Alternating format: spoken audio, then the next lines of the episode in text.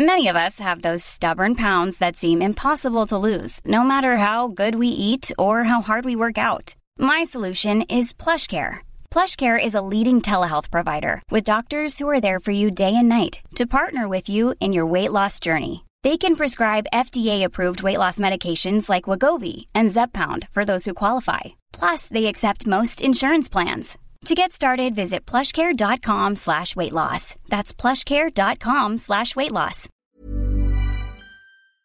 Yeah, we zijn terug! Deel 2 met Yes. Dotan.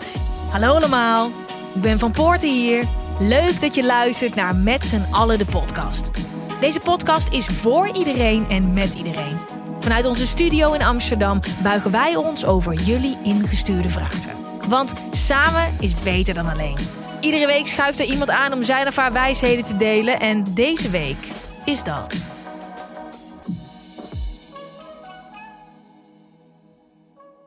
hey, we zaten al lekker in de vragen. En ik ga gewoon meteen weer eh, beginnen met de vragen Mhm. uit de community. Bam. ja, I know. Soms staat hij ook heel haaks op de vraag, dit muziekje. Hey Gwen, hoe gaat het? Ik heb advies nodig over mijn broer.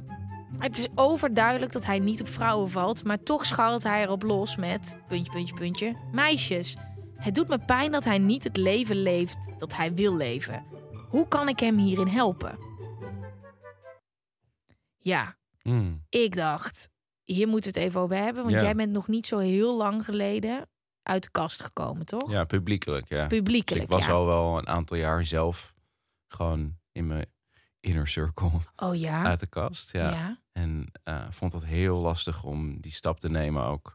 Ja? Om dat qua werk of zo te doen. Ja, En waarom dan? ja eh, gedeeltelijk denk ik hoe... Toen ik begon, dat is nu eh, elf jaar geleden of zo, toen was het echt wel anders. Mhm. Toen waren er maar een paar soort van, beetje publieke, zeg maar uit de kast zangers, zoals ze dat Mhm. dan noemen. En dan werd het ook altijd de hele tijd ook benoemd overal, weet je wel. Het was dan meteen, Een ding. ja, en ik wilde dat gewoon ook echt niet. Ik wilde gewoon dat het om muziek zou gaan. En ik dacht, ja, dat zou er helemaal niet toe mo- moeten doen. Eh was ook wel dat ik toen bij een label zat en daar iemand wel echt... Ik kwam daar toen mee aanzetten van, joh, ik zit hiermee en ik weet niet zo goed wat ik hiermee moet. En toen was wel heel erg de boodschap van, ja, je wil het toch een beetje in midden laten, want het kan een beetje tegen je werk. En, en nu denk ik, ja, dat is fucking bullshit. Maar toen ging dat toch een beetje in mijn hoofd zitten van, ja, kut, ik kan, ik mag dus eigenlijk niet mezelf zijn, weet je wel. En dat in combinatie met mijn, mijn, cultuur waar ik mee ben opgegroeid, dus Israëlische cultuur, waar dat vroeger ook wel echt anders was, weet je. Mijn opa en oma waren echt orthodox Joods. En toen ik uit de kast kwam naar mijn vader, was een van de eerste dingen die hij wel zei: van ja, je kan het niet aan opa vertellen, weet je wel. Waardoor je ook als, als toch wel als jonge, jongen denkt van, oh ja, er is iets mis met mij. Want sommige mensen mogen dit niet weten. En ik denk dat het, dat het ook echt iets is wat je alleen snapt als je daar doorheen bent gegaan. Dus heel veel. ehm, ik heb vaak hetero vrienden die dan zeggen, maar waar maak je, maakt je dan zo druk om? En dan zeg ik ja, dat denk ik nu op zich ook wel. Alleen dat is wel iets wat je alleen maar kan begrijpen als je er zelf doorheen bent gegaan. Dat je al vanaf jongs af aan op een gegeven moment voelt van, oh shit, ik ben toch anders dan de meesten uit mijn klas, weet je wel. Of eh, het gaat al dat je aan het voetballen bent en dat er ineens kaart wordt geschreeuwd als iemand, een jongen aan een andere jongen zit van, eh, ga echt flikker of zo. En dat je denkt, oh, dat gaat over mij. En ja, dat is Hoe oud was je toen je dat al wist? nou, als ik heel eerlijk ben, denk ik dat ik. Ja, het is moeilijk om echt te pinpointen. Want ja, als je heel jong bent, kan je het misschien niet helemaal plaatsen of zo, weet je wel, van wat het dan is. Maar ik denk dat toen ik 12, 13 was, dat ik het toen wel echt wel wist. Zo'n Ja. kwetsbare leeftijd. Ja, Ik weet nog wel eens dat ik op die leeftijd dacht van... maar hoe weet ik nou dat ik Ja. hetero ben? En hoe weet ik dan niet... Want hoe weet je op wie je valt? dat is ook een hele goede vraag. Want dat is ook heel lastig natuurlijk. Omdat je ook nog eens te maken hebt op een gegeven moment... gewoon hormonen die overal doorheen vliegen. En, en, en, en alleen, ik voelde dat wel heel sterk. Alleen, ik voelde ook direct meteen een soort... een soort tegenstrijd, weet je wel? Van nee, dit mag niet, dit kan niet. En, en ja, je groeit toch al. Het begint echt al dat je opgroeit gewoon met Disney-films, waarin je gewoon altijd de prins en de prinses ziet, weet je wel? Dus je denkt van ja, ik moet die prins zijn. Mm. Ja, en dat, dat ben je dan niet. En dus het, ja, ik weet niet. Ik, ik, ik, ik vond het persoonlijk heel lang heel lastig. Gelukkig is het nu al veel anders. En zie ik ook gewoon bijvoorbeeld bij artiesten en zo. Wat echt ook wel inspiratie voor mij was. Ik zie heel veel jonge gasten die gewoon denken: oh ja, dit is wie ik ben. Of ik zit in het midden. Of ik zeg er helemaal niks over. En het is ook echt no one's business natuurlijk, hè, weet je wel. Ehm, wat was je vraag? Nee, ik vind het heerlijk dat je zo vertelt. Nou ja, de, de, de vraag is binnengekomen oh, en het is ook wel iets interessants.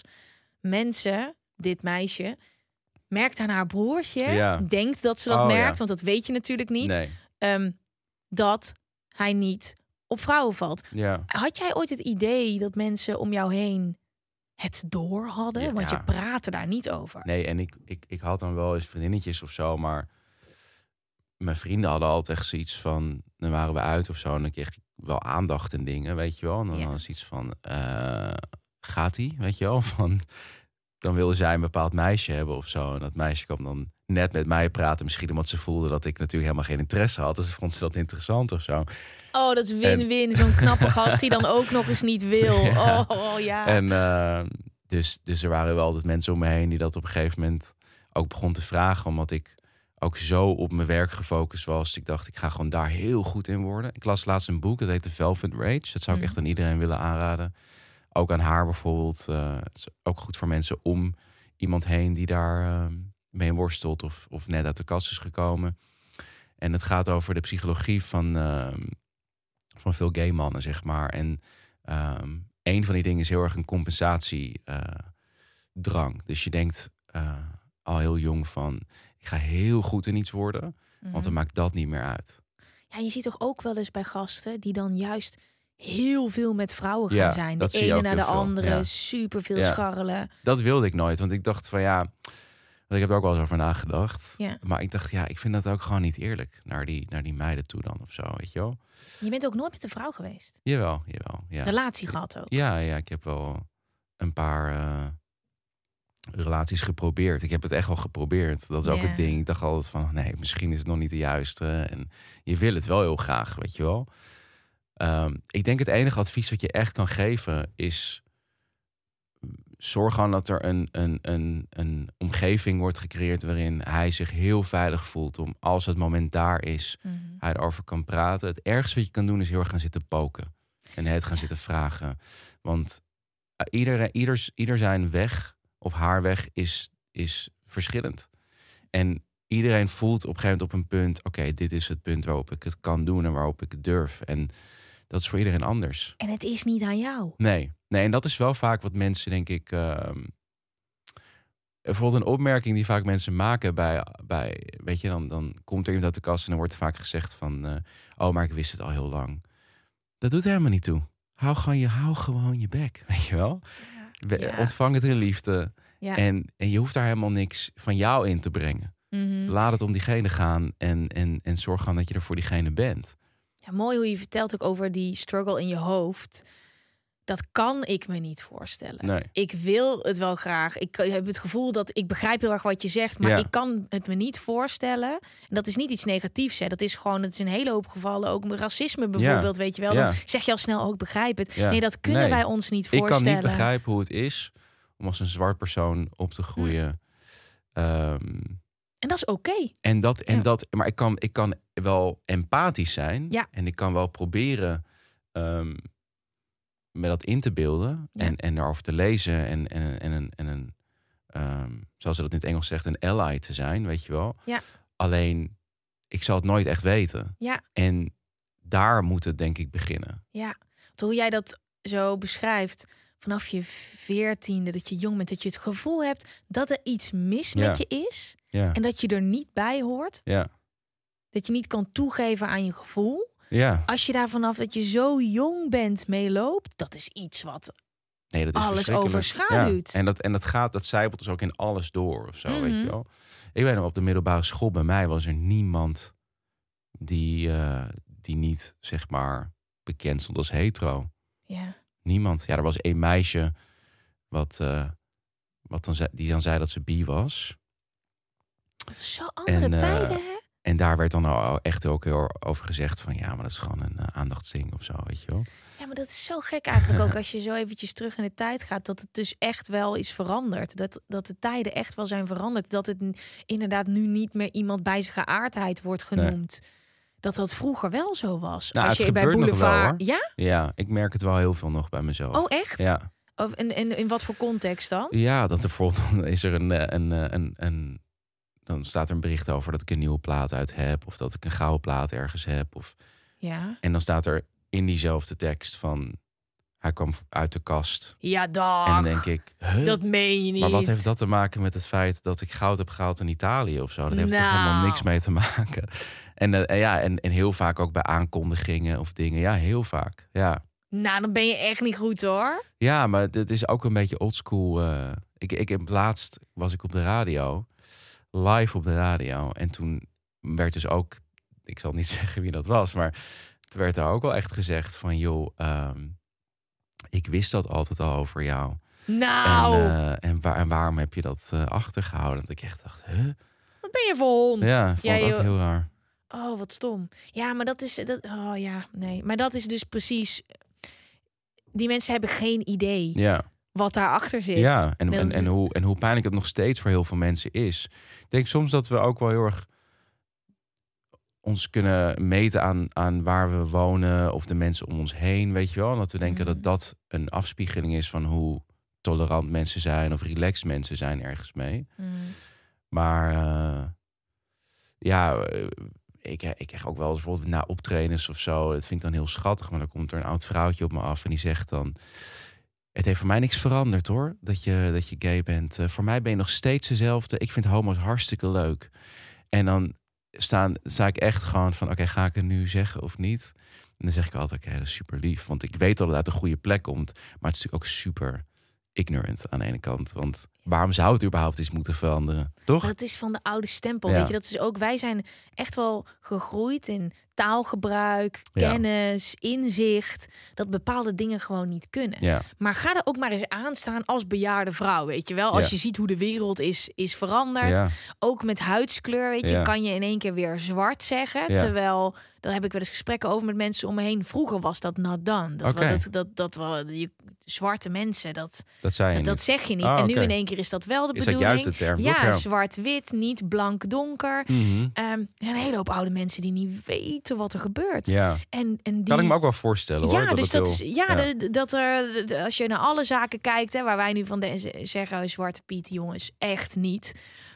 Maar kijk eens naar, Ja. naar, naar eh, mensen van 80 die dan denken, maar ik bedoel daar niks Ja. slechts mee. Oh, dus als ik Zwarte Piet leuk vind, dan ben ik racistisch. Ik heb voor, met oude mensen ook dat je denkt, ja, wij, wij zijn, we hebben echt veel stappen gemaakt in Ja. de laatste, denk ik, vijf jaar al. Ja, In, ja in, zeker. in inzicht. Maar, toch kan je altijd gewoon de vraag stellen aan iemand. Weet Ja. je wel, bijvoorbeeld... eh, ehm, ik, ik leerde voor het eerst eh, een non-binair eh, persoon kennen in mijn, in mijn gym. En ehm, toen ging ik gewoon op hen af en vroeg ik... hey, wat is de juiste pronouns, weet je wel?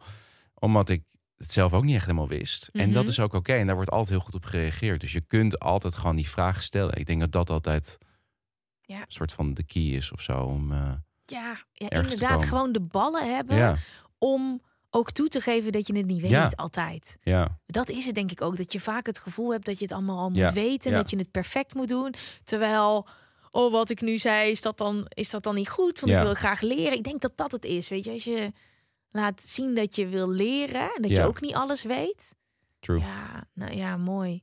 Ik ben helemaal aan het afdwalen van de vraag. Ik heb wel denk ik een beetje af, eh, eh, eh, afscheid. We, we hebben een beetje advies. Afscheid genomen van de... afscheid genomen van de vraag. Ehm, eh, laat hem Ja, lekker. het zelf uitvinden. En, inderdaad, safe space. Ja, maar ga niet, weet je wel, van die situaties creëren die ongemakkelijk zijn. Of dat je, ehm, wat altijd vaak heel goed bedoeld is, hè. Maar, Mm, of dat je dan ineens iemand op date gaat sturen met iemand of zo. Weet je, dat soort Ja. dingen niet doen. Gewoon blijf er buiten en zorg aan dat diegene wel voelt altijd van, het is veilig. Als ik over wil praten, kan dat. En als het nooit gebeurt, dan gebeurt het niet. Ik voel me nu echt een beetje zo, zo iemand uit de, de Tina nog, weet je wel? Die dan van die lezersvragen ging beantwoorden. I know. Het is echt een soort dream die... eh, I uitkomt. know. Het is een Dr. Phil vibe. Ja, we gaan door naar En ik denk dan ook, heb je dat nooit dat je denkt... Als ik heel eerlijk ben, ik weet zelf soms helemaal niet wat ik aan het doen ben. Iedere keer, Ja, de hele tijd. Gelukkig. Maar het leuke is dus dat je hebt nu al twee meningen en je hebt iets wat die persoon zelf denkt. Ja, En je hoort ook mensen een gesprek daarover voeren. Dus misschien is voor haar de drempel ook lager om er eens met mensen om haar heen ja, ja. over te praten. Want het is vaak zit je er zomaar in je hoofd. Als je dan mensen erover hoort ouwe hoeren, dat je denkt, kijk, ik weet niet dit, ik, of ik dat nog vaak zeg, maar ja, je- het is niet, dit staat niet zwart op wit natuurlijk. We hebben ook niet alle wijsheid in pacht. Nee. Dit is niet wat je hoeft te doen.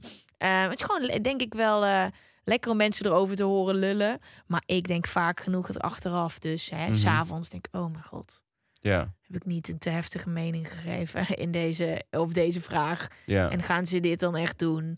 En ik weet dat toch ook allemaal niet. ja. Ja, Maar het is wel uiteindelijk... ehm, om, om ook een beetje terug te komen bij het onderwerp van... Kijk, uiteindelijk heeft er gewoon iedereen zijn eigen pad. En, en als je eruit komt, is het super bevrijdend. Maar ik Mhm. hoop dat we wel ooit op een punt komen dat het niet eens meer nodig is. zeker. En dat is dus door Ja. erover te praten. Ja, En door weer steeds weer nieuwe dingen te leren. En Ja. ik merk ook hier in Amsterdam dat we zoveel hoofdstukken verder zijn. ja, Al havermelk drinkend, zeg Ja. maar. En dat is, oh, dat bedoel ik niet denigrerend hè, naar de rest van het land. Totaal niet. Maar wij zitten hier gewoon in zo'n soort bubbel waarin Ja. we geconfronteerd worden met elkaar, waarin we die gesprekken moeten voeren.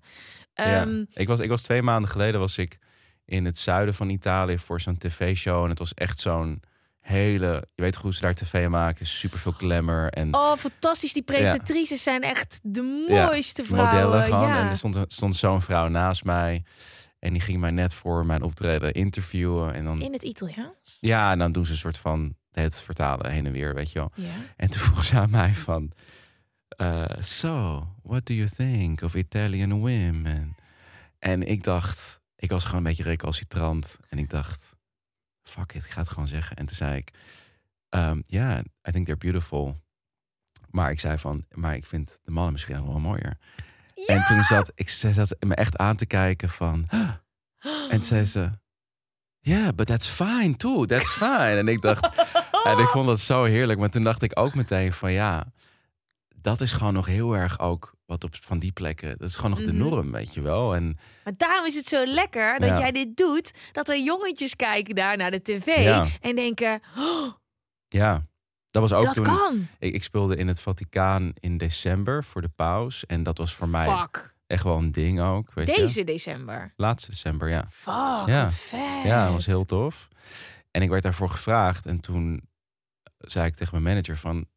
Weten ze wel dat ik en Joods ben en gay ben? Ik weet niet of dat helemaal... Het was niet echt precies de plek waarvan ik ooit had gedacht... daar ga ik een keer spelen. En toen stond ik daar. En toen alle interviews daaromheen... alles wat ik daar deed... en ook zelfs in het praatje met de paus... heb ik alleen maar dat benadrukt de hele tijd. Want ik dacht, er zit een vijftienjarig jongetje ergens te kijken... die niet uit de kast durft te komen... omdat zijn familie weet je wel, denkt dat hij naar de hel gaat. Ik wil laten zien dat ik daar kan staan en dat, dat het helemaal oké is. En ehm, dus, dus in die zin, ehm, mijn punt eigenlijk wat ik ermee wil maken is van, uiteindelijk gaat het om een groter goed. Snap je wel? Het gaat niet Mhm. zozeer om jezelf, Ja, ja. van het stof wat ik daar speel. Maar als ik daarmee andere mensen het gevoel kan geven dat ze oké zijn zoals ze zijn. En dat ze niet tot een 32e hoeven te wachten, zoals ik heb gedaan, om daar open over te kunnen zijn, dan is mijn missie geslaagd. Ja.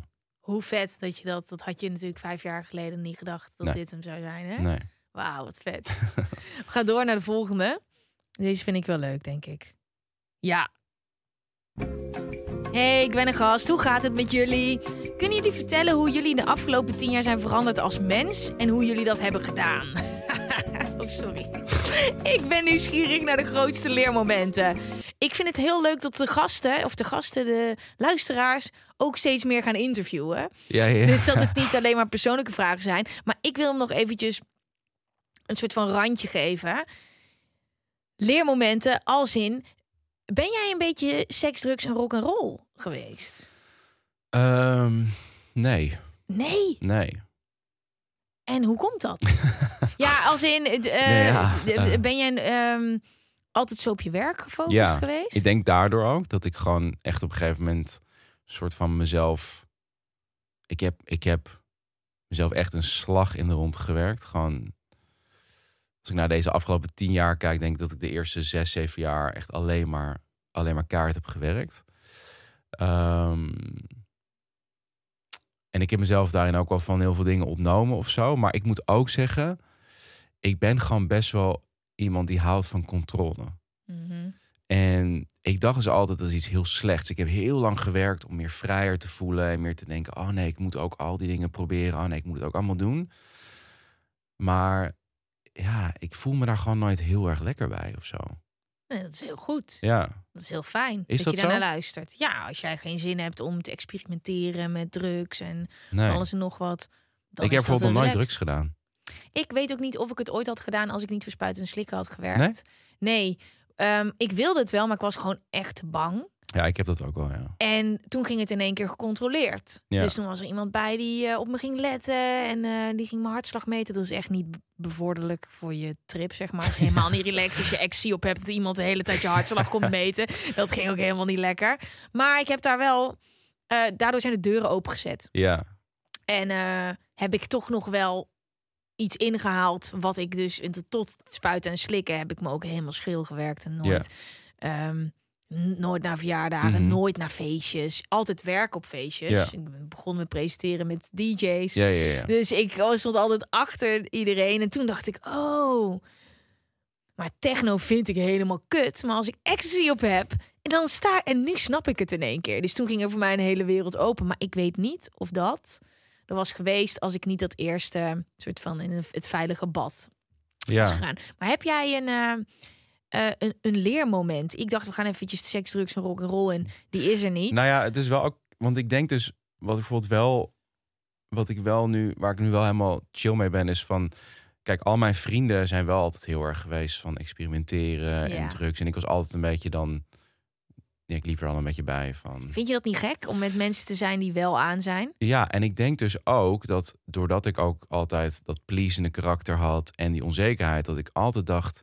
ik ben gewoon fucking saai. Weet je wel, ik ben gewoon een soort muurbloem en ehm, er valt bij mij geen lol te beleven. Maar nu, ik denk dat er een soort taboe bijna omheen hangt. Dat als je Mhm. niks doet, dat je dan ook een bepaald persoon bent of Ik zo. drink en, en niet en eh, ook geen drugs al een paar jaar nu. Ja, Dat is inderdaad echt meer vreemd en voelt heel awkward. ja. Dat, en ik, ik- ja, jij zit al de hele tijd in die rol. Ja, nou, Ja. Ik, ik, ik, ik ga gewoon heel goed om me gewoon goed voelen. Om me gewoon, om gewoon goed op te staan. Om Ja. veel te sporten. En ja, gewoon een gezonde leefstijl te hebben of zo. En ja, dat is, dat, dat is niet iets waar, waar- wat je misschien zou denken bij iemand die natuurlijk festivals speelt en Mm. de wereld rondreist daarmee. Alleen, ja, ik weet niet. Dat is ook gewoon, ook weer gewoon accepteren. Precies, het is wat het is. bent, ja. Het is wat het is. Ehm, eh, de vraag is, Leermomenten. ja, van de afgelopen tien jaar. Nou, hoeveel? Ja, maar noem eens iets leuks wat niemand weet. Oh, Wat is nou een leermoment? Hoeft niet eens heel groots en meeslepends te zijn. Kan ook iets kleins zijn. Ehm, nou, een, eh, ik denk eh, eh, dat is misschien wel, wel, wel iets wat niet heel veel mensen ook weten of zo. Maar ik ben dus een beetje sportverslaafd, denk ik wel. Oh, wauw. Op een goede, gezonde manier. Welke sportschool sport je? Ik, Vondelgym? ja, Ja, ik, Maar ik ik zie doe dus- mensen als ze bij Vondelgym... Ja, gewoon Nee, alle, nee. Alle, alle leuke, gezellige mensen eh, die zeg maar zelf trainen. ja. Als je zelf traint, eh, die... eh, ik woon heel... Dat ga ik niet zeggen. waar je woont. Ja. Ja, maar ehm, in de buurt van de Vondelgym. Oké. Ehm, wil je daar nog meer over zeggen? Of is dat... Nee, maar meer van dat ik niet wil... Ik gaf bijna mijn adres, Ja, zeg maar. ja. Ehm, maar eh, ik onderbreek je helemaal. Jij sport bij Vondelgym en je bent Ja. sportverslaafd. Nou, ik ben eigenlijk, ik dacht, ik zag mezelf dus ook altijd als niet. Wat ik eigenlijk wil zeggen van, ik zag mezelf altijd als niet sterk, als gewoon, ik had, was altijd een beetje slungelig. Ehm, ik was super nerderig. Ik zat echt zes uur per dag gitaar te spelen, weet je wel. Was heel erg in mezelf gekeerd. En ik zag mezelf nooit als een soort iemand die een bar ging liften of zo, weet je wel. Mhm. En toen ben ik 2,5 jaar, drie jaar geleden begonnen. En nu sport ik zes keer per week. En, en, en, Oh, heerlijk. ehm, en dat was dus echt iets dat ik mezelf had aangepraat. Dat ik dat nooit zou kunnen. Mhm. En daardoor, want eigenlijk vind ik, ik vind sporten iets heel, bijna iets soort iets spiritueels. Omdat je gewoon twee uur lang niks anders doet. Je hebt geen telefoon, je bent alleen maar daarmee bezig. Mhm. En dat heeft me echt geleerd van, we praten onszelf zoveel dingen aan van wat we niet kunnen of wat we niet zijn. Maar je hebt eigenlijk helemaal geen idee, Ja, toch? grappig is dat. Want je wordt, eigenlijk wordt dat dus gevormd een soort van in je tienerjaren of zo, toch? Van wat je dan, je, hebt dan je, hebt, je bent dan een type op school, hè? Je bent dan of de nerd of de outcast of de, of de, mhm. de soort populaire sportjongen of hè, het coole meisje of Ja. zo. En dat neem je eigenlijk een beetje mee in je leven, heb ik het idee. ja, en dat blijft ook plakken. En het is zo grappig als je dat belletje gaat doorprikken. Ja, Ik heb jarenlang gezegd, ik ben echt een nachtmens. ja. Ik ben echt een nachtmens. Gewoon eh, s ochtends, eh, mensen die vroeg opstaan, eh, mensen die ochtends vroeg sporten. Ja. Nu ben ik een ochtendmens. Doordat ik er gewoon achter kwam dat die nachten me niks brachten. Ja. Oh ja, hoe ga je dat dan doen? Nou, Dat rijdt mooi ook gewoon anders doen. Dat de nachten me niks brachten. mooi, ja. maar, maar het is heel, het is heel mooi. Maar ook gewoon die vrijheid. Dat je dus, ik denk dat dat dan de, zeg maar de overkoepelende is. Je kan alles zijn wat je wil zijn als je er maar hard voor werkt. Hè? Niemand wordt eh, eh, als, een, als een genius geboren in alles. Weet je, als je iets goed wil kunnen, zelfs vroeg opstaan. Ja, Ja. dat is niet meteen de eerste dag. Dat is ook niet meteen de eerste week. Dan moet je gewoon hard voor werken. Ja. Sporten, ja, jij was ook niet meteen Helemaal niet. zes dagen in de week daar te Ik vinden. kon ook echt hem, ik kon ook echt helemaal niks. En ik ben dan CrossFit gaan doen. Ik weet niet of je weet wat dat is. Oh my god, dat is zo intens. Ja, en dat is alles door elkaar. Dus dat is van, van, van eh, echt letterlijk op je handen lopen tot zware bars liften, tot conditie. Ja, en, en, ik heb daar ook echt een superleuke groep vrienden gemaakt. Want daar keek ik ook naar. Ik dacht altijd, wat is het voor cult? Dat je dan in de gym ook allemaal mensen kent en daar allemaal mee gaat zitten. eh, een workout gaat zitten doen. En nu, man, ik, eh, het is helemaal top. Dat is fijne interactie. Hè? Ik vind Ja. dat de sportschool altijd perfect. Ik zie niet heel veel mensen door de week. Eh, dit klinkt altijd zo sneu als ik dit zeg. Maar ja, ik heb gewoon niet zo dat ik iedere dag met mensen ga lunchen of Nee. iedere avond ga eten en zo. Ik heb best wel structuur. Maar de sportschool is gewoon de plek waar je gewoon echt even Ja. lekker met mensen contact Ja. maakt. Het is ook precies genoeg altijd. En je kan lekker, je ziet elkaar regelmatig. Maar en, je, en wat ik dus merk, is dat je dus ineens echte gesprekken hebt. Mhm. Want je zit dan dus even, weet je, dan even te stretchen vooraf of wat dan ook. En dan geen telefoons, geen afleiding. En dan ineens heb je het over dingen. Mhm. En ik heb daar echt super veel aan gehad. Maar ik heb er ook er heel veel aan gehad omdat ik mezelf op een andere manier ben gaan zien. Dat ik dacht van, oh ja, ik ben dus niet per se wat ik in mijn hoofd heb ge, geplaatst. Door misschien wat andere mensen over me zeiden of wat ik dacht dat ik was. En dan is het hek van de dam. Ja, Is er nog zoiets dat je denkt, hé, hey, ik dacht dit altijd, maar ik ga hiermee aan de slag? ik dacht bijvoorbeeld dat ik nooit alleen op reis kon. Ik dacht, Oh. ik kan niet eh, alleen ergens heen. Dat kan ik gewoon niet. Ik dacht, dat vind ik te confronterend. Zit ik alleen met mijn gedachten. Ehm, ga ik alleen eten? Ga ik, zit ik alleen in een restaurant? Dacht ik, hoe doe ik dit? En dan zag ik iemand een boekje zitten in een restaurant. Dacht ik, oh, dat is er eentje. Super oordelend. En, ehm, en twee jaar geleden heb ik, toen ben ik dus voor het eerst in mijn eentje op vakantie gegaan. Waar naartoe? Nou, het was, ik moet zeggen, het was niet heel heftig. Maar ik ben toen vanuit LA naar Palm Springs gegaan. En, eh, Maar dat is gewoon wel, zeg maar, van Amsterdam naar Antwerpen. Nee, verder naar Parijs. Ja, maar ik ben dus wel naar Joshua Tree gegaan. Ja. Mhm. En daar is echt een soort camping experience gedaan. Want ik dacht ook dat ik dat nooit echt kon. Ehm, Die Hard wel meteen hoor, Ja. in de bossen. nou, en gewoon in je eentjes. Ik had wel een soort hutje daar. En, en ben Waren wel andere mensen ook omheen, toch? Nee, nee. Oh, ben je helemaal alleen in de bossen? Nou ja, in de, in de desert en dan eh, in de woestijn. En dan ehm, ik kon wel ergens heen rijden om iets te doen of zo. Maar het was Maar- wel... Wacht even. Ja. Hoe zag dat eruit? Oké, er zijn wel wat andere hut- hutjes. Maar daar was niemand. Nou, er waren misschien een paar losse mensen. Maar iedereen kwam daar een beetje voor mijn gevoel met hetzelfde idee. Dus om een beetje tot jezelf te komen te schrijven of wat dan ook. Ehm, en ik ging dan echt letterlijk ook s'avonds. Ging dan eens naar een restaurantje rijden. Je had dus wel een paar dingen. En dan ging ik in mijn eentje zitten. En dan, ik weet nog de eerste keer heb ik een uur eh, daarvoor heen en weer gelopen. Van ik durf het niet, ik durf het niet. Toen ging ik naar binnen. Toen zei ze van eh, eh, table for how many? En ik zei one. En er was heel veel zo'n seconde dat ik dacht, gaat dit nu heel awkward worden? Of... En toen zei ze, oké honey, go sit down. En toen dacht ik, dit heb ik gewoon. En ik had mijn boek meegenomen en ik ben gaan lezen en ik ben gaan eten. En ik dacht, dus nu is mijn, eigenlijk, mijn doel was eigenlijk om afgelopen jaar echt in mijn eentje op vakantie te gaan en Oh. een reis te gaan maken. En nobody cares. Nee, Dus je zit daar in dat restaurant, nobody maar dat is cares. dus het hele ding ook weer. Leef je voor jezelf of leef je voor andere mensen? Want van wie boeit het? Denk je echt Mhm. dat iemand drie keer gaat zitten omkijken van, nou, die zit in zijn eentje, dus dan nee, natuurlijk niet. Ja, Maar je maakt het dan zo oh. groot in je hoofd. Heerlijk. Ja. Echt, als ik iets wil, als ik, ik ga helemaal in je verhaal ook op, omdat ik denk, laat me alleen Maar weggaan. jij doet dat dus heel veel. Mhm. alleen maar nu reizen. niet meer. Nee, maar je deed dus heel veel. En ook bijvoorbeeld, ehm, ik heb de afgelopen twee weken dus ook geen, eh, ehm, Telefoon. ja, geen telefoon gebruikt. Misschien één of twee dagen. We hebben één keer nog contact gehad. Dat was op één van die twee dagen. Ehm, maar verder heb ik het gewoon in een hoek gelaten. Eh, omdat ik het steeds bij jou zag. Oh, wat leuk. Ja, en toen dacht ik, wauw, als zij dat kan, Mhm. dan moet ik dat toch ook kunnen. Ja. En nou, het is echt een verademing. Lekker, hè? Ja, het liefst zou ik hem gewoon überhaupt nooit meer hebben. Maar ja, dat wordt... Maar dat, heb, dat is dus die overgangsfase, Ja. waar ik ook best wel mee struggle. Ja, Als je eenmaal weet wat het is om hem niet te hebben en je bent daar oké mee, Ja. hoe vind je dan weer balans in hem wel hebben? ja. Maar ehm, Maar ik merk dus wel, mijn balans is nu veel beter. ja, want je, je, je, je moet even uit die verslaving, uit die cirkeltjes Ja. gaan. Maar oh, wat leuk om te horen. Ja, Want ja, ik vind het ook zo mooi als mensen tegen me zeggen: Gwen, ik wil dat ook. Maar weet dan ook dat je dat gewoon kan Ja. doen. Er is niemand in jouw omgeving, jouw baas of al jouw vrienden, er is niemand die kan zeggen dat jij dat niet kan doen. Ja. En, en dan is het met tien, tien vragen. Oh, en eh, hoe eh, kan ik dan afspreken met vrienden? Nou, gewoon door gewoon af te spreken. ja, ja. En eh, en hoe kan ik dan eh, naar Netflix kijken? Oh ja, nou, dat, kan ook nog steeds. Het is niet dat ik een soort monnik ben, hè? Als Nee. ik dan, ik kijk nog wel televisie. Ja, ja, ja, ja, ja. Maar heel leuk dat je ook lekker gaat op solo op vakantie gaan. Ja, nou, ja en, en dat is iets wat ik nog veel meer wil gaan ontdekken of zo. Van, en dan ook wat, wat echt meer, weet je, naar, naar avontuurlijkere steden en dat soort dingen. Mhm. Of misschien... Ik vind steden altijd een beetje kut qua. Ik heb wel eens. Nou, nee, ik vond New York heb ik alleen gedaan.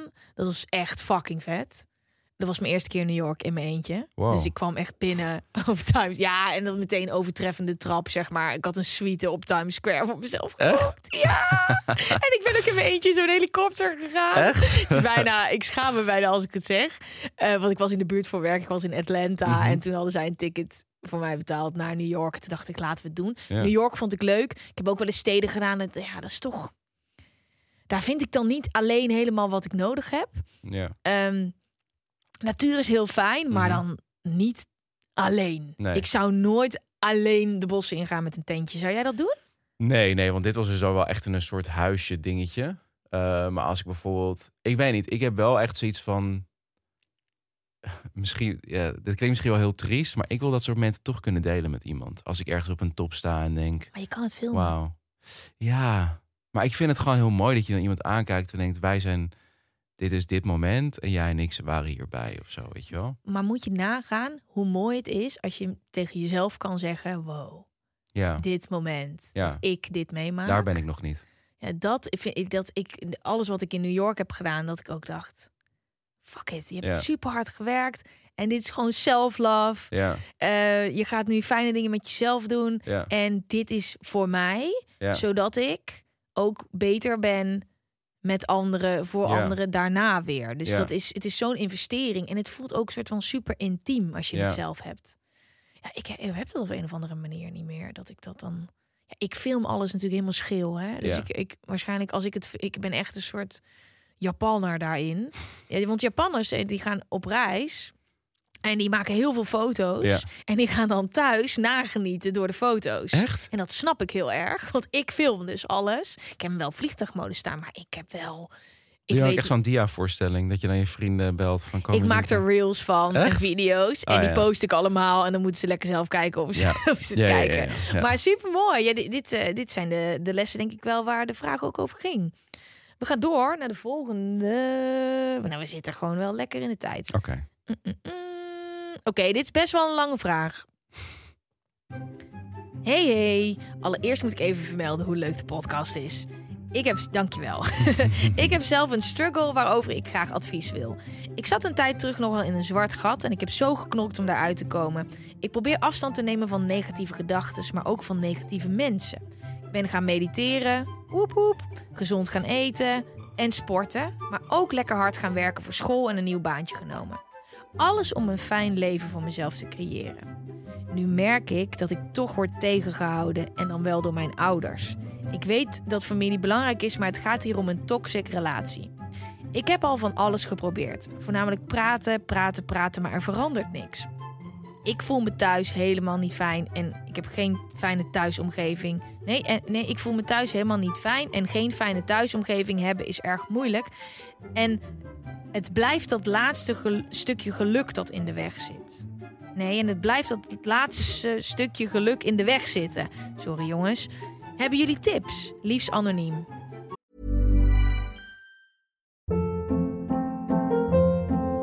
Hold up. What was that? Boring. No flavor. That was as bad as those leftovers you ate all week. Kiki Palmer here, and it's time to say hello to something fresh and guilt-free. Hello Fresh. Jazz up dinner with pecan-crusted chicken or garlic butter shrimp scampi. Now that's music to my mouth. Hello Fresh. Let's get this dinner party started. Discover all the delicious possibilities at hellofresh.com. Quality sleep is essential. That's why the Sleep Number Smart Bed is designed for your ever evolving sleep needs. Need a bed that's firmer or softer on either side? Helps you sleep at a comfortable temperature? Sleep Number Smart Beds let you individualize your comfort so you sleep better together. JD Power ranks Sleep Number number 1 in customer satisfaction with mattresses purchased in-store. And now, save 50% on the Sleep Number limited edition Smart Bed for a limited time. For JD Power 2023 award information, visit jdpower.com/awards. Only at a Sleep Number store or sleepnumber.com. Hoe oud is zij? Of Ik- hij? Ik heb, het is een zij en Zij. ik heb geen idee. Ik oh, zit nog op school. Ehm, ik heb gelezen dat jouw contact met jouw moeder niet goed is. En Ja. ik weet niet wat je daarover wil zeggen, want je laat daar niet veel over Nee. uit. En dat is oké. Ja. Maar ik dacht wel, deze vraag, kan jij jezelf hier een beetje in vinden? ja, ik denk dat het voor iedereen gewoon heel een hele verschillende situatie. Ik praat daar zelf dus niet over, omdat het gewoon een privé ding is. En Ik snap dat. ja, En daar wil ik ook eigenlijk bijna niks meer over weten. Oh, nee, nee, eh, ontspan. Want het is je moeder. ja, En ik praat ook niet over mijn ouders. nee, En ik heb een hele goede band met mijn ouders. Maar zodra, zodra er andere mensen iets mee te maken hebben, ja, is het anders. Ja. is het anders. Ja. Want het is een verhaal voor twee mensen. Snap je? Maar Dus- zelfs bijvoorbeeld als mijn vriend wil eigenlijk ook nooit dat die, die heeft die wil helemaal niks weten van ehm, media. ja, ja. helemaal weet je je hebt ik ik ben echt blij dat hij bijvoorbeeld niet zo iemand is die dan zelf een soort Instagram carrière gaat bouwen erop Maar dat kan zo. je. Dat kan, dat- je had toch nooit met zo'n gast kunnen Nee. zijn? Nee, dat is echt niet voor mij. Nee. Hij is lekker gewoon zijn anonieme leven en eh, En mijn vriend ook hoor. Ja? Ik, ja, dit- ja ik, ik, ik, ik weet niet of jij dat ook hebt, maar dat is, dit klinkt altijd zo raar om te zeggen, want het lijkt of ik mezelf dan niet leuk vind. Maar ik val niet op types die dat ambiëren. Is Nee. misschien een soort plus-min. nee, ik heb dat ook heel erg. Ja, dat is eigenlijk wel Ja. gek, hè? Want we hebben het zelf wel. Ehm, ja, maar ik weet bijvoorbeeld niet hoe lang ik het nog wil doen. Ja? Ja. Ik weet niet hoe lang ik nog doorga met op een publieke manier, zeg maar, muziek eh, maken. Ja. Ja? Ik denk dat ik best over een paar jaar gewoon zou kunnen zeggen... gaan op een boerderij ergens wonen Oh. en eh, iets heel anders doen. Of eh, gewoon lekker leven, ja. Voorbeeld van wat het anders doen dan zou zijn? Qua werk of zo? Mhm. Nou, ik zou, ik zou bijvoorbeeld... Ja, dit klinkt echt... Dit klinkt, ik word alleen maar suffer door deze hele aflevering heen. Ik denk dat ik het heel tof zou vinden om gewoon eh, fulltime vader te zijn. Ja, Oh. dat lijkt me echt heerlijk. Ja. Oh, wat fijn. En dan wel gewoon nog te schrijven of zo. Want ik, muziek zal altijd door mijn bloed stromen. En misschien voor andere mensen dingen maken. Ehm, maar het lijkt me gewoon heel bijzonder. Om, om echt al mijn tijd te kunnen stoppen in, eh, in anderen eigenlijk. Want je leeft toch best wel voor jezelf ook met dit werk. En het vaak draait het om jou of zo. En dat begint me eigenlijk steeds wat meer tegen te staan. Ja. Is dat nieuw? Ehm, ja, ik denk eigenlijk sinds ik veel gelukkiger ben, dat ik denk van, oh ja, er is veel meer dan, dan dit. En mm, ik weet niet wanneer. Ik denk dat dat punt op een gegeven moment komt als je dat zelf voelt. Maar we hebben het daar wel, wel, wel, wel over, ja. Dat is mooi, maar het is aan de andere kant toch ook best wel een beetje kut. Als ik het even vergelijk met mezelf, ik snap waar jij zit. Mhm.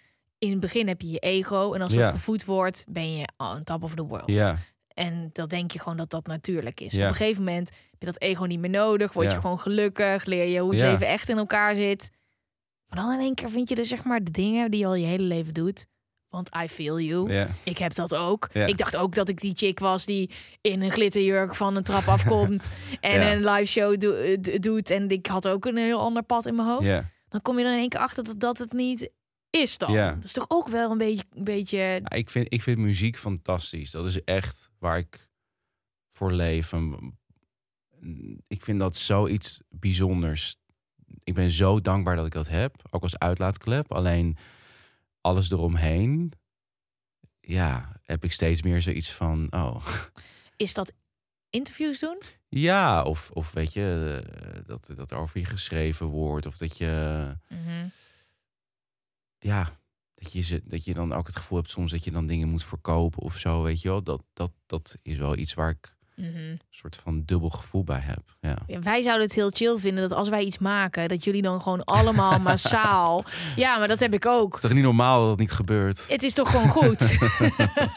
ja, nee, maar ik, ik snap het. Ik snap het. Ja. Maar en, het is dus eigenlijk, het is ook een heel, het is een mooi bijverschijnsel, omdat je geluk Nou ja. vindt in andere dingen en het, het niet meer dat je hebt niet meer dat monster nodig. Precies. Ja. Maar ik denk ook gewoon dat er toch, maar dat is een beetje mijn opvatting en dat is misschien een beetje controversieel, maar ik denk dat dit gewoon niet super gezond voor je is om dit heel lang te doen. Nee. Waarin je meetings instapt en zeven mensen daar zitten om over jou te praten. Mhm. Of je een interview doet waarin iemand alles van jou wil weten. eh, Weet je wel? En ik eigenlijk het liefst gewoon een gesprek heb zoals nu. Weet je Mhm. wel? Waarin je met elkaar praat. En Want dat voelt Ehm, ook altijd zo nep, hè? Als je een interview met mensen ja. hebt, die heeft dan vragen. En dan gaat het alleen maar over jou. En ik lul gewoon. Dat is altijd Ja. kut. Ik lul gewoon anderhalf uur verder. En dan moeten ze dan terugschrijven naar, naar een klein stukje tekst. ja, Maar dat, dat voelt ook niet echt. Nee. En ik vind het dus ook... Het is bijna bijzonder als je zoveel aandacht krijgt... mhm. dat het goed blijft gaan in je hoofd. ja. Ja, Toch? nee, dat is het ding. Van je wordt. Ik weet nog wel dat ik op een gegeven moment ook echt. Toen ik echt op mijn. In Nederland, zeg maar. Op mijn eerste soort van grote piek zat of zo. Dat ik. Het is moeilijk om je niet groot te gaan voelen dan dat je bent. Gast, Ik dacht echt dat ik de helemaal de shit was. En jouw nummer Home werd toch ook gebruikt toen die vliegtuig... ja, Oh my god, ik heb zo hard zitten nee, huilen. heftig, ja. en iedere keer als ik dat ook weer zie, maar larger than life, weet je wel, de muziek en de Mhm. emoties die eraan vasthangen. Ja, nee, dat, dat, dat ontplofte gewoon aan alle kanten. Ehm, En wat voelt daar dan oncomfortabel aan? wat ik bijvoorbeeld heel oncomfortabel vind. Jezus, ik zeg allemaal dingen die ik ook echt nooit heb gezegd. Maar dat je dan bijvoorbeeld. Dan kom je bij een tv-ding of zo, weet je wel. En dan. Ik ben altijd gewoon heel erg één standje. Dat merk je hier ook. Ik ben vooraf niet anders dan dat ik hier ben. Dan gaan dus camera's draaien. En dan gaat iedereen ineens op een soort volgende versnelling. En dan helemaal een soort super blij. En helemaal. En denk ik, wat gebeurt hier, man? Ja. Waarom doet iedereen zo raar, weet je wel? Ik Ja. snap dat gewoon niet. ja, ik heb dus dat ik dat standje altijd heb en dat is ook Ja, raar. Dat is lekker om dat te hebben. Want ik heb dat dus totaal niet. En daardoor. maar ik snap wat je bedoelt. Ja, er komt dus iemand naar me toe ook halverwege. En die zegt van... hey, het zou leuk zijn als je iets meer geeft. of iets enthousiaster bent. En dan zit ik echt zo van... Huh, ik snap gewoon echt letterlijk niet wat je bedoelt. Ik kan ook wel helemaal soort van... Weet je wel, het helemaal aanzetten of zo. Maar dat voelt gewoon niet echt. Mhm, ja. En daar heb ik nu meer moeite mee dan ooit. Dat ik denk van ja, maar what the fuck? Ik bedoel, dat is niet wie ik ben. Dat is het dus. Hoe meer je jezelf wordt, hoe minder je jezelf ook kan forceren Ja. in iets. En ik vind het soms ook best wel kut. Want ik heb best wel in geforceerde situaties gezeten dat ik vette dingen deed die ik nu niet meer kan doen. Ja, Omdat ik, heb, ik kan het gewoon niet opbrengen. Er is gewoon een hele dikke muur. Er zijn gewoon bepaalde situaties nu, dat is gewoon dat doe je gewoon niet meer. hell no. Ja, Hel nou, ik zou ook echt... Ik snij liever een pink af dan dat ik mee moet doen met Expeditie Robinson.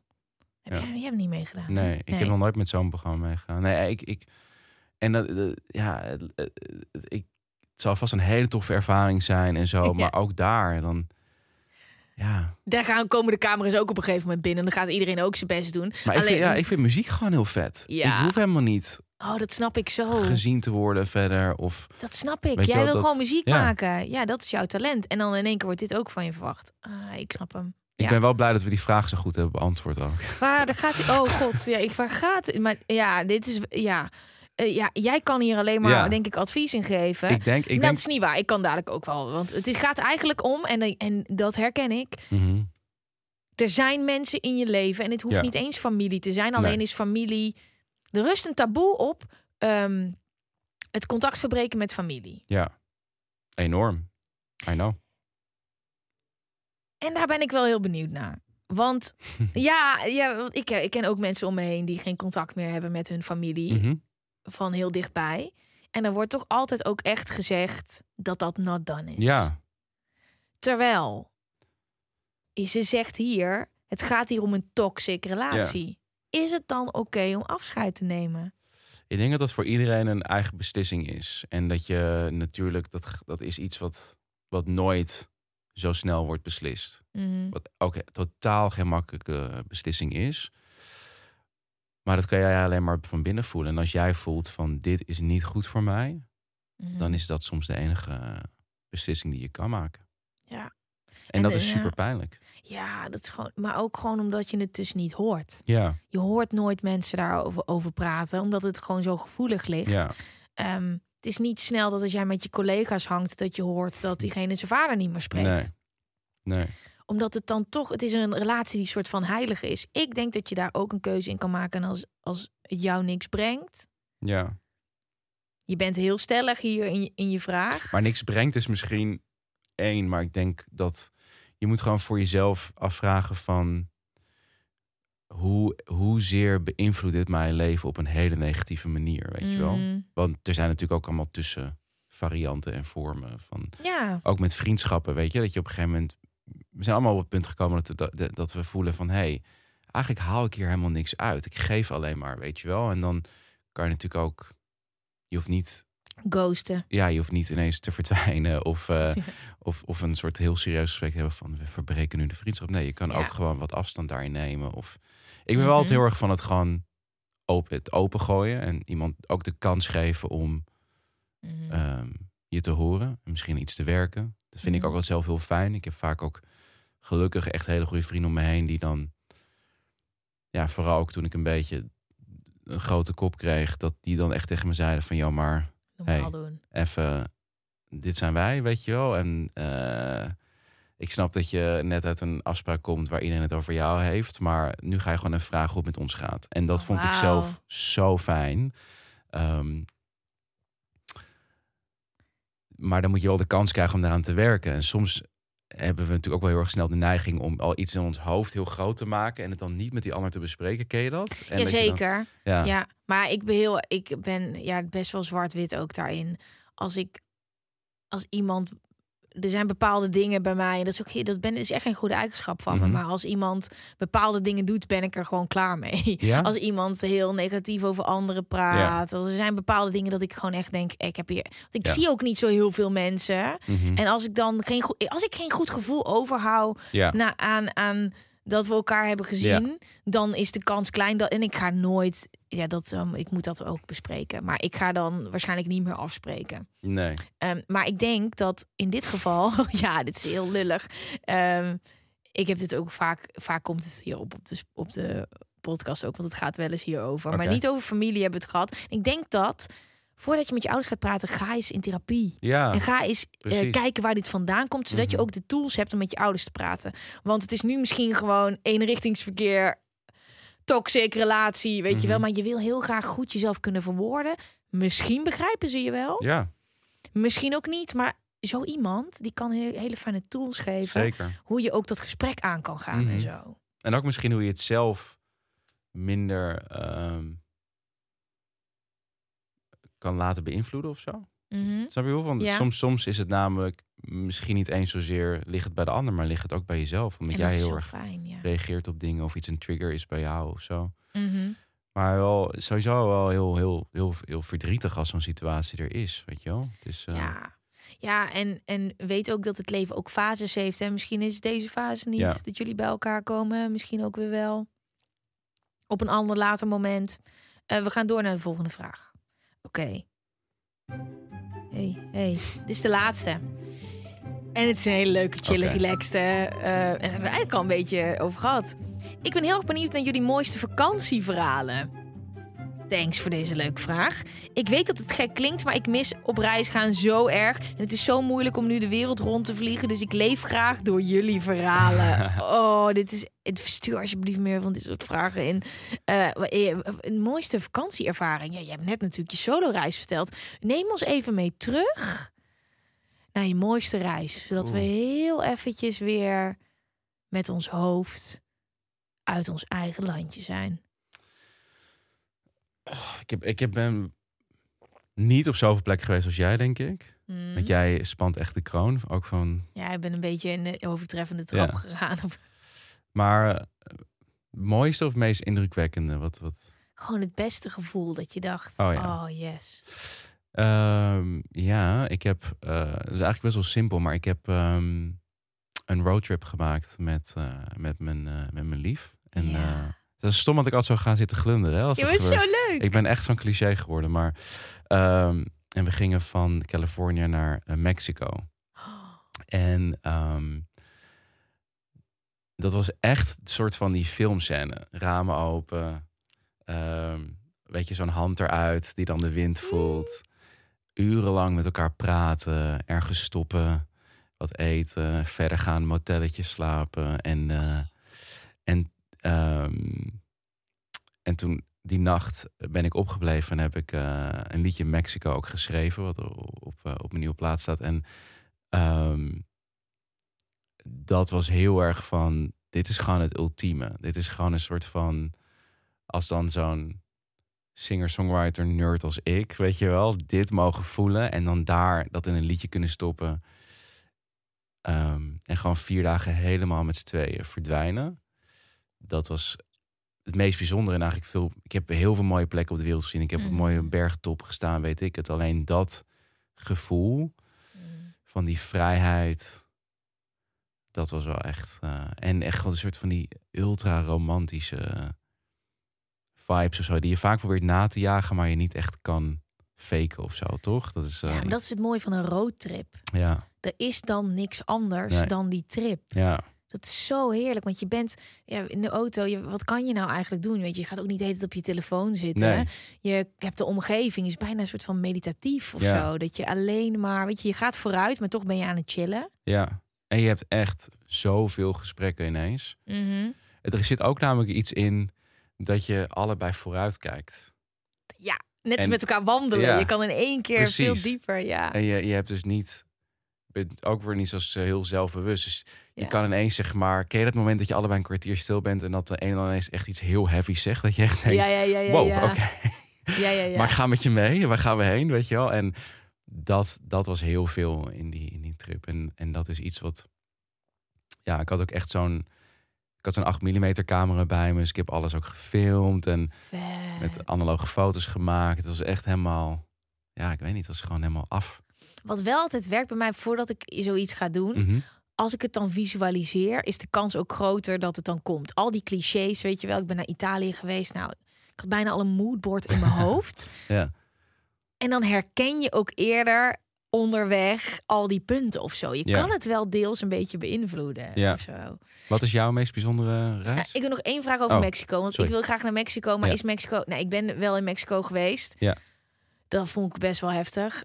Eh, In Mexico City ben ik alleen geweest. Over citytrips die je niet alleen wil maken gesproken. Ehm, voor werk. Is Mexico niet spannend? Ehm, Ik heb namelijk heel veel eh, series gekeken. Oh, op die manier, ja, ja. En ik heb toch het gevoel dat, er, dat ik overal ontvoerd ga worden.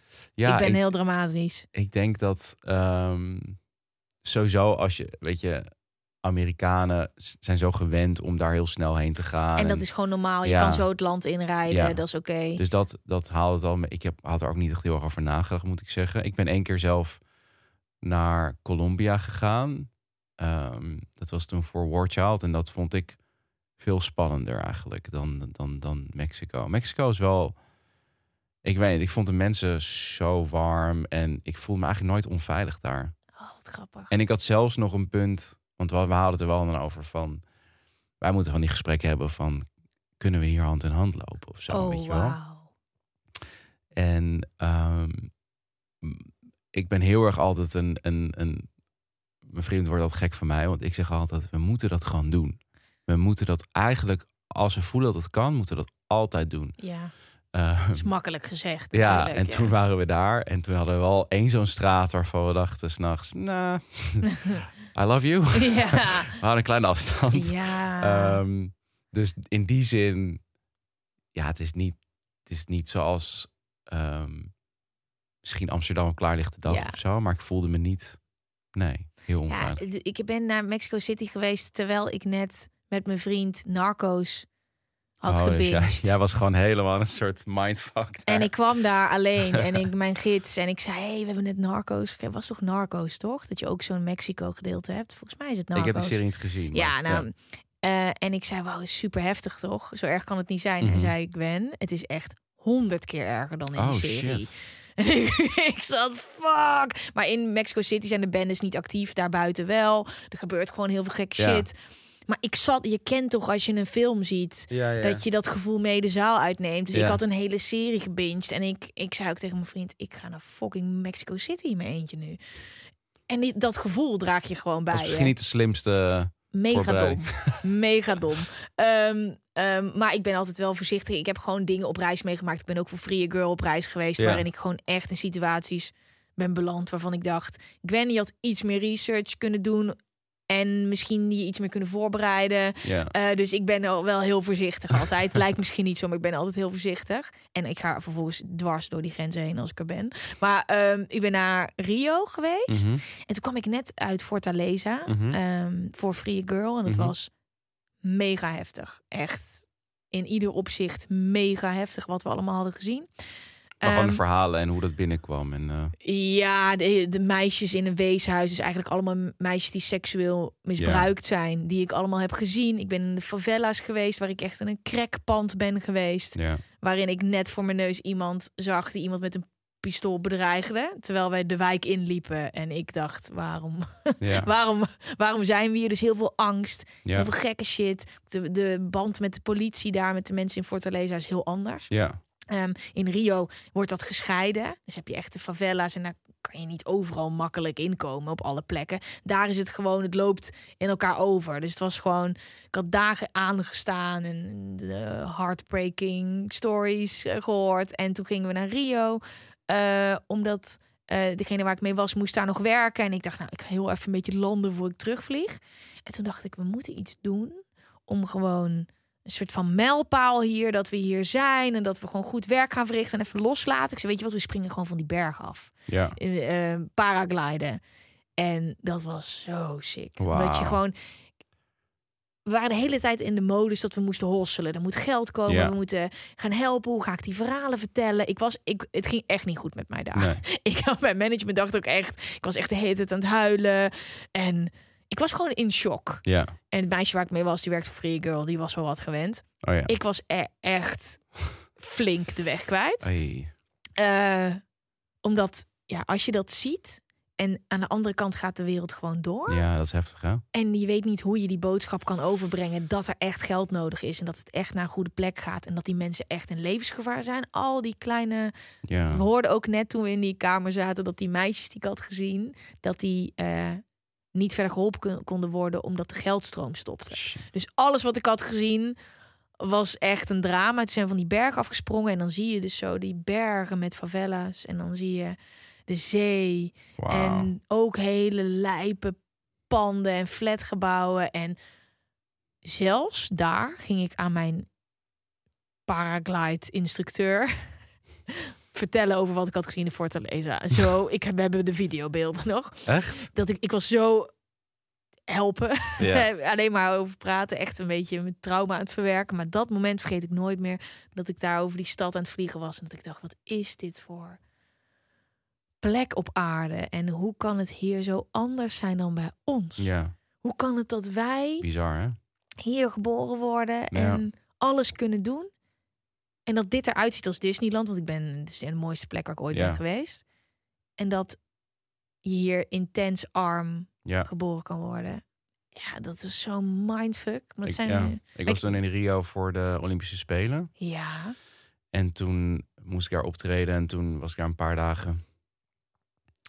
En ehm, toen werd, ik wilde gewoon dingen zien. En toen was er echt een soort fake city ook gebouwd. Kan je het nog herinneren dat ze heel veel dingen hadden afgezet... omdat ze niet de arme stukken wilden laten zien. ja, ik weet Ehm. wel dat er, toen- er is heel veel gebeurd. Ja. Ook tijdens en na de Olympische Ja. Spelen. Ten koste van de mensen. Ja, en, en dat vond ik ook echt zo heftig. Dat je aan de ene kant heb je gewoon een super groot stadion, weet je wel... waar gouden medailles worden uitgereikt. En dan Mhm. letterlijk 100 meter verderop zitten mensen gewoon weg te kwijnen of zo. En dat, Ja, de Ferraris rijden Ja. door de straten. En ik kon niet buiten voor het hotel staan.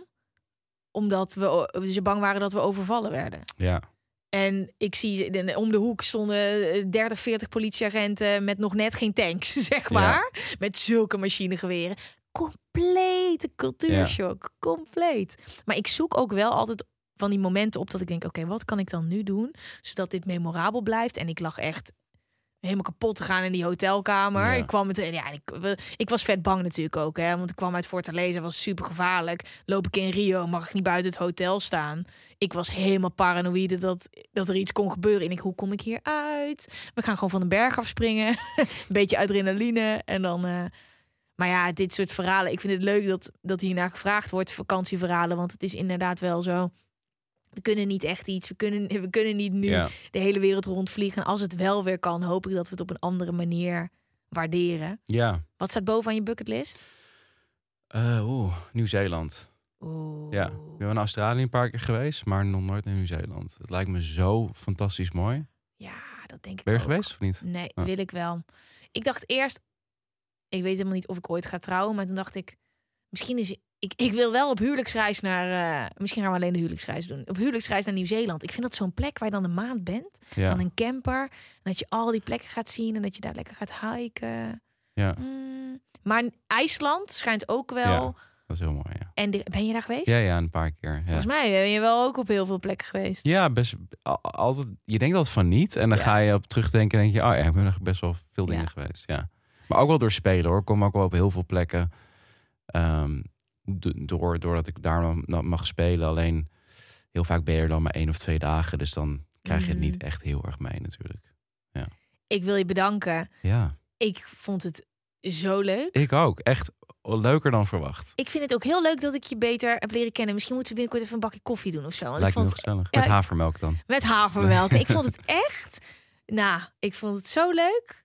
Ik vond het echt. eh, Ik ook, Ja, ja. ik hoop dat jullie het ook allemaal leuk vinden. dat, dat denk ik wel. Maar ik vond het heerlijk om lekker met je te kletsen. Ja, En heel veel succes met alles waar je mee bezig bent. dankjewel. Ik hoop gewoon, hè, in een korte tijd dat je gewoon lekker weer vol gas kan doen. Ja, Waar je lekker op gaat. Dat je gewoon weer lekker kan optreden. En Ja. dat, eh, dat we gewoon weer teruggaan naar, eh, naar jouw normale leven. ja, ik hoop het ook. Maar het enige wat we kunnen doen is gewoon... eh, ja, weet je, blijf positief blijven of zo. En dat klinkt altijd heel suf. Ja, maar dat is het. Maar het is echt het enige, want anders word je gek. Dus Ja. eh, ik, ik vind het vooral ook heel erg voor jonge mensen die ehm, vanuit de muziekindustrie, dan kan ik het dan het best bekijken, weet je, maar die net zijn begonnen en met een bandje Mhm. willen spelen en zo. Ik heb het al jaren mogen doen, dus in die zin heb ik ook zoiets van ja, het komt wel weer. Maar ja, als je nu net op dat punt staat, dat is gewoon echt heel kut. Mm. Dus, eh, Maar het is tijd voor volle zalen, Ja. volle paradiso's, volle Ja. festivals. Gewoon weer vol gas knallen, ja. toch? En ja, en mensen moeten niet vergeten, we zijn natuurlijk twee jaar gewend geraakt aan livestreams, YouTube, Spotify, weet ik veel wat.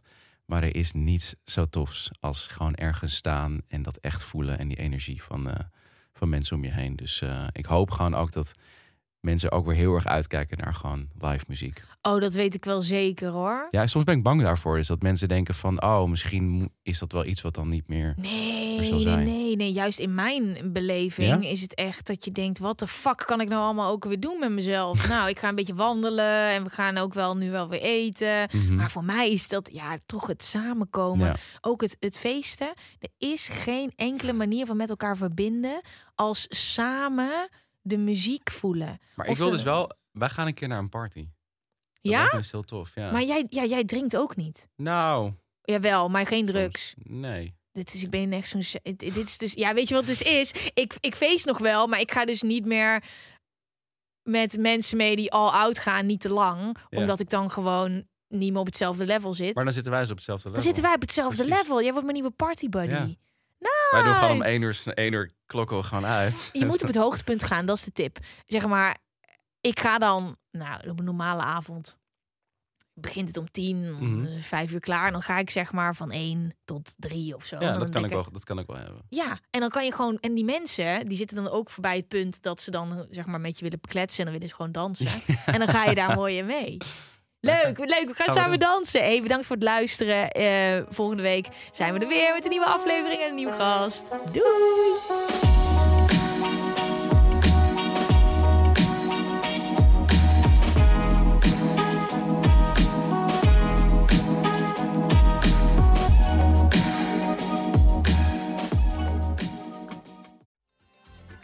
Weet je waar ik zo'n tyfushekel aan heb? Toeristen, als het te druk is in de stad, zelf koken. Ja, alles wat je nu zojuist benoemt. En daarom maken jij, denk Daan Hogevorst, Ja, Robert Rodenburg. een podcast waarin we alleen maar klagen. Want klagen is HET medicijn tegen het collectieve leed wat maandag heet. Dus elke maandagochtend een nieuwe te horen op je favoriete podcast-app. Maandag Klaagdag! Jezus, zingen moeten wij nooit doen. Wil jij adverteren in podcasts van Tony Media en staan waar voorheen bol.com of Coca-Cola stonden? En wil je dat dit ontzettend saaie spotje wordt vervangen door een hele leuke reclame? Mail naar adverteren@tonymedia.nl. Ever catch yourself eating the same flavorless dinner three days in a row? Dreaming of something better? Well, HelloFresh is your guilt-free dream come true, baby. It's me, Kiki Palmer. Let's wake up those taste buds with hot, juicy pecan-crusted chicken or garlic butter shrimp scampi. Mm. Hello Fresh. Stop dreaming of all the delicious possibilities and dig in at HelloFresh.com. Let's get this dinner party started.